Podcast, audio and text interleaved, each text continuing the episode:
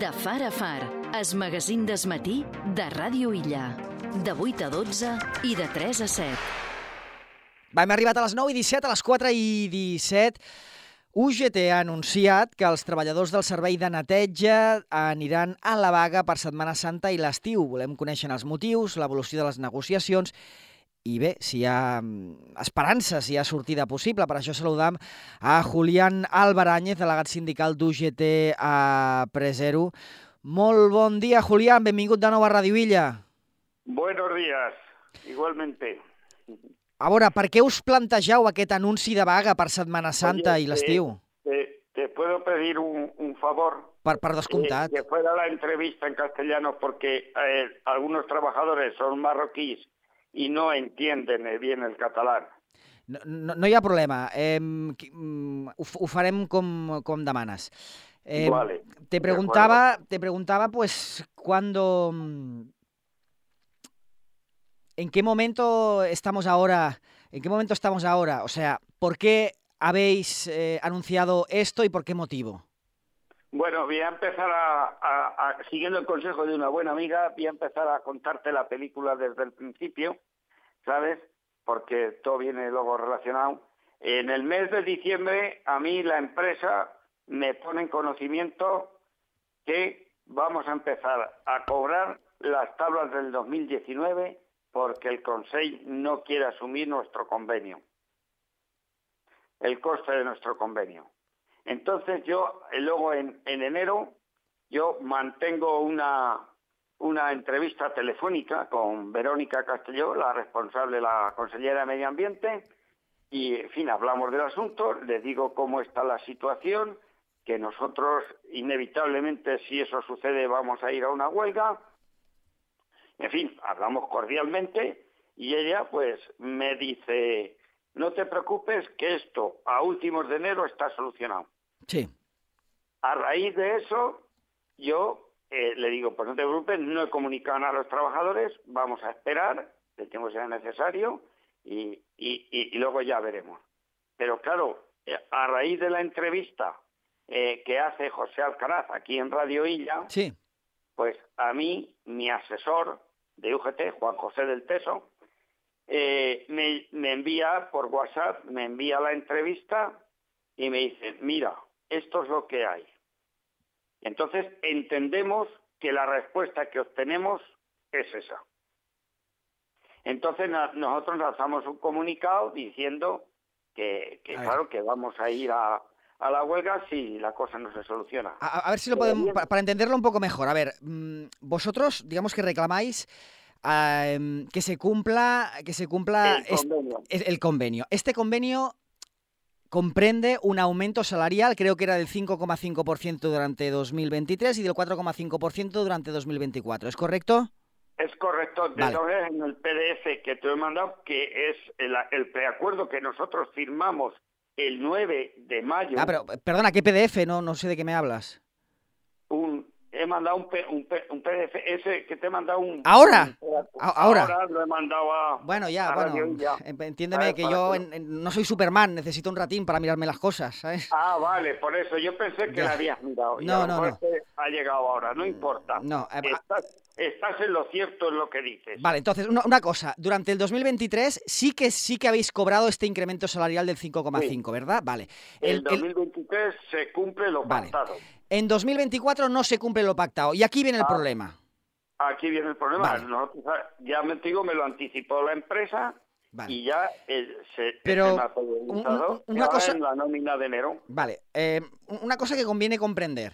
A ver, mm, tú no eres trabajador del Consell, ni el resto de trabajadores de... de- de- Exactamente, sois trabajadores de vamos. Precero, entonces, aquí donde... O sea, mm, no entiendo por qué es el Consell el que tiene que pagaros. mm, Es la empresa el que tiene que pagaros, ¿no? A ver, yo expliquemos no eso. Yo no, yo no he denunciado al Consejo.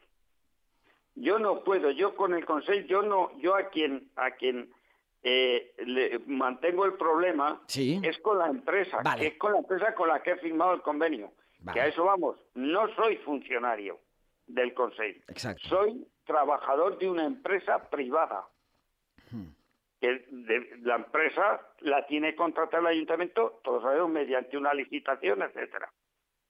Por lo tanto, yo a quien reclamo es a la empresa. De acuerdo. Nosotros, yo lo que tengo es una conversación con el Consejo Sí. para ponerle en antecedente. Viendo que los acontecimientos no se solucionan, que seguimos igual, ¿qué hacemos? Pedimos una reunión a tres bandas para poner en conocimiento tanto de la empresa, que ya lo tiene, porque ya se lo hemos dicho, y en conocimiento del Consejo, por si acaso, que ya se lo dije yo a Verónica Castelló en la, en la entrevista telefónica que tuvimos a primeros de enero, Sí.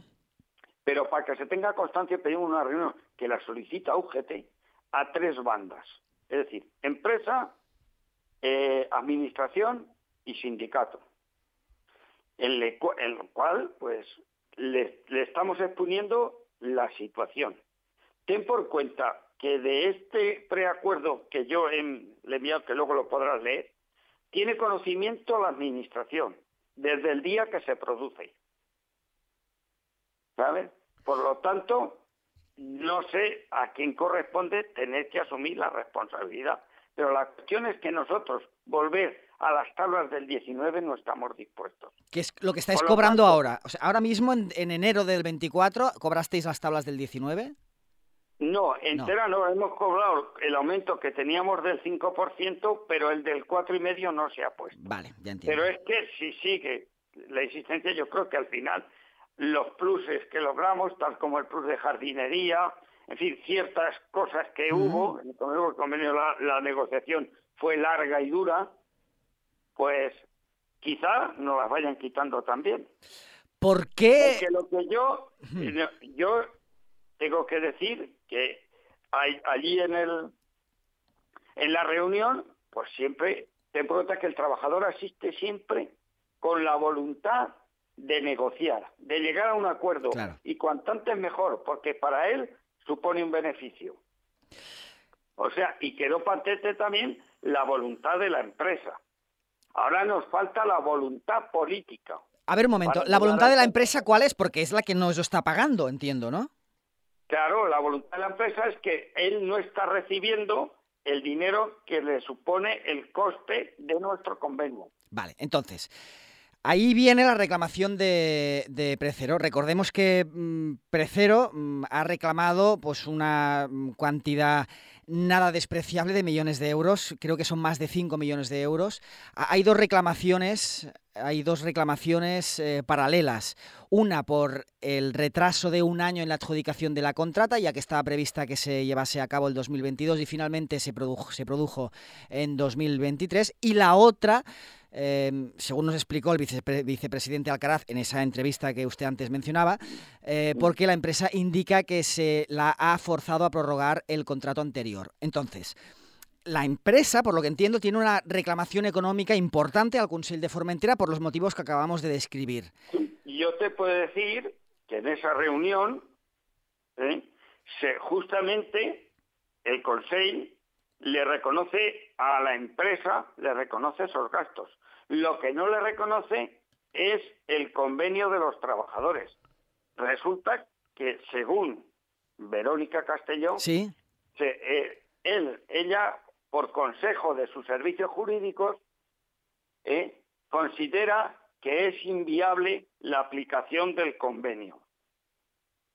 O sea, que la empresa no solo reclama lo suyo, que se lo reconocen, pero también reclama, la, la empresa también reclama que le paguen también el abono que, les que supone, o el precio que le supone el, el aumento de nuestro convenio, es decir, las condiciones de nuestro convenio.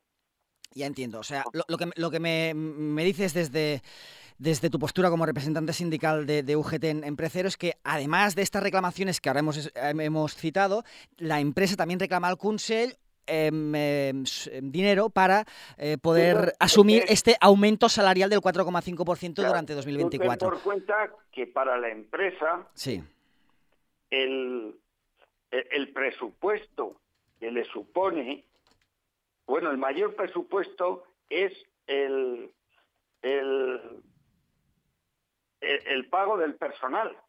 El pago del personal le supone a la empresa un 75% de su presupuesto. bueno.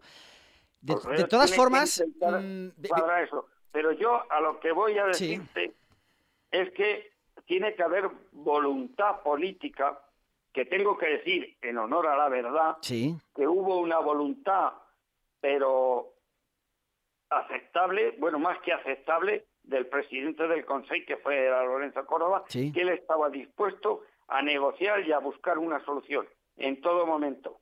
Pero la consellera Medio Ambiente se cerró por banda.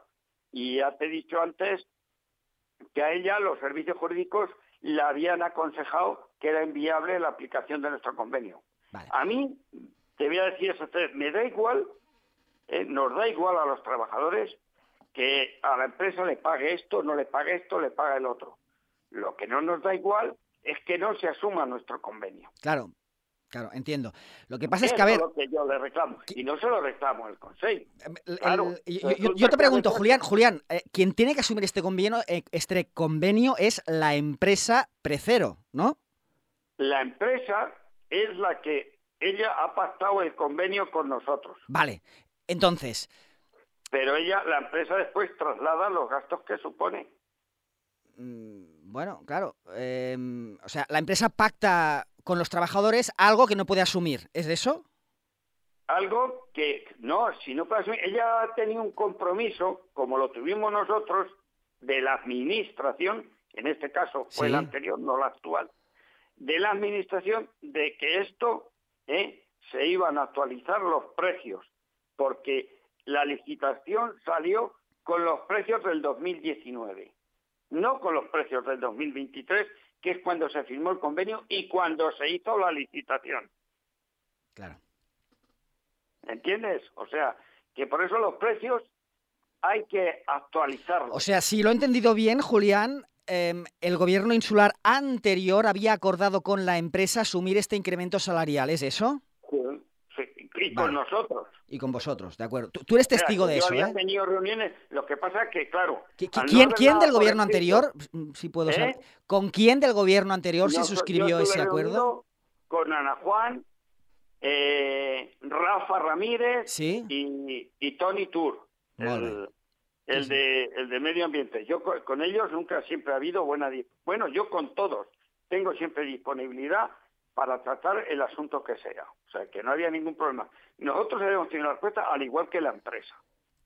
Y ya te digo, nosotros ya firmamos el acuerdo. Sabes que venía todo precedente de un conflicto que teníamos amenazado porque ya nos habíamos entrevistado y teníamos la amenaza de huelga. Y la próxima a Sí, las sí. elecciones, pues en fin, la cosa pues estaba... pues, Por eso el día 9 de mayo se firmó el acuerdo, el preacuerdo, de que ahora eh, es el que, el que está eh, incluido en el convenio. En e- para, para que no se llegara a la, a la época del cierre, no se llegara a tener que votar y estar condicionado por esa Claro. situación. De todas formas, Ju- Julián, ¿no, no tienes la sensación que, que la empresa está utilizando la reivindicación salarial de los trabajadores? No, Para- no, no, no, yo voy a denunciar a la empresa. Hay que tener en cuenta que yo a quien denuncio es a la empresa. Sí, sí, sí, no, pero déjame acabar la pregunta. Em, Sí. Pregunto, ¿tienes, ¿tienes la impresión de que la empresa está utilizando vuestra reclamación salarial para, para presionar al Consell para que también pague el resto de sus reclamaciones económicas? Lo que hablábamos antes de, ver, de la ampliación que- de la pro- del, del contrato anterior, etcétera, etcétera. Que tú tienes que tener, hay que tener en cuenta, no, nosotros nos están diciendo, yo voy, si a mí me dan, incluyen mi convenio, a mí lo que le den a la empresa es a punto y aparte. A mí la cuestión es que a mí me ha llegado, nos ha dicho en la reunión, allí presente que lo decimos en el comunicado claramente, Sí, no decir que nosotros vamos con transparencia, y, y nos dijo que no, que era inviable incluir nuestro convenio. Evidentemente, a lo mejor los intereses se, se, conjuntan, tanto la empresa como el trabajador, porque si la empresa no cobra, el trabajador no cobra. Pero no es porque me que nosotros hemos sido los que hemos reunido a las partes, no la empresa. La reunión la ha convocado UGT, no la ha convocado ni el Consejo ni la empresa. Bueno, O sea, que mm, ¿qué, salida, qué salida? los que estamos interesados en que a nosotros se respete nuestro convenio. Luego, lo demás allá, pues allá películas, cada cual que se las vea como pueda. ¿Qué salida ves a, este, a esta situación? Lo digo porque Semana Santa está aquí a la vuelta de la esquina. Ya, claro, no, yo pienso que la salida, pues es fácil, es que se llegue a un acuerdo lo antes posible y ya está. Yo, pero hemos visto, hemos estado en otras situaciones, que ya sabes que hemos tenido bastantes entrevistas entre tú y yo, siempre relativo por una cosa, por una circunstancia o por otra, relativo a hacer una huelga en, en la basura, pero espero que como las anteriores no se cumpla el dicho que hay de tanto va el cántaro a la fuente que al final se rompe. Esperemos que se siga solucionando como hasta entonces. Recordemos que de aquí, mm, pues una semana aproximadamente, tendría que empezar a funcionar la nueva contrata al 100% el, el mes de marzo. El, 22 de marzo. 22 de marzo, ¿eh? Sería 22 de marzo, sería cuando tiene que entrar en, funcionamiento. Se, se dijo en la reunión, el 22 de marzo comienza a, andar la nueva, la nueva licitación, la nueva contrata, exactamente. ¿Y están los vehículos preparados? ¿Te consta los recursos, el despliegue tanto de personal como de material? no, no, eso no está. Eso seguimos igual. Ah, seguimos en la misma circunstancia. Creo que tenemos que empezar a ser conscientes. Ya no lo digo por nosotros, que, que estamos viviendo la realidad, que por lo tanto eh, somos conscientes de ello, sino creo que los políticos también tiene que haber consciente en la situación que estamos.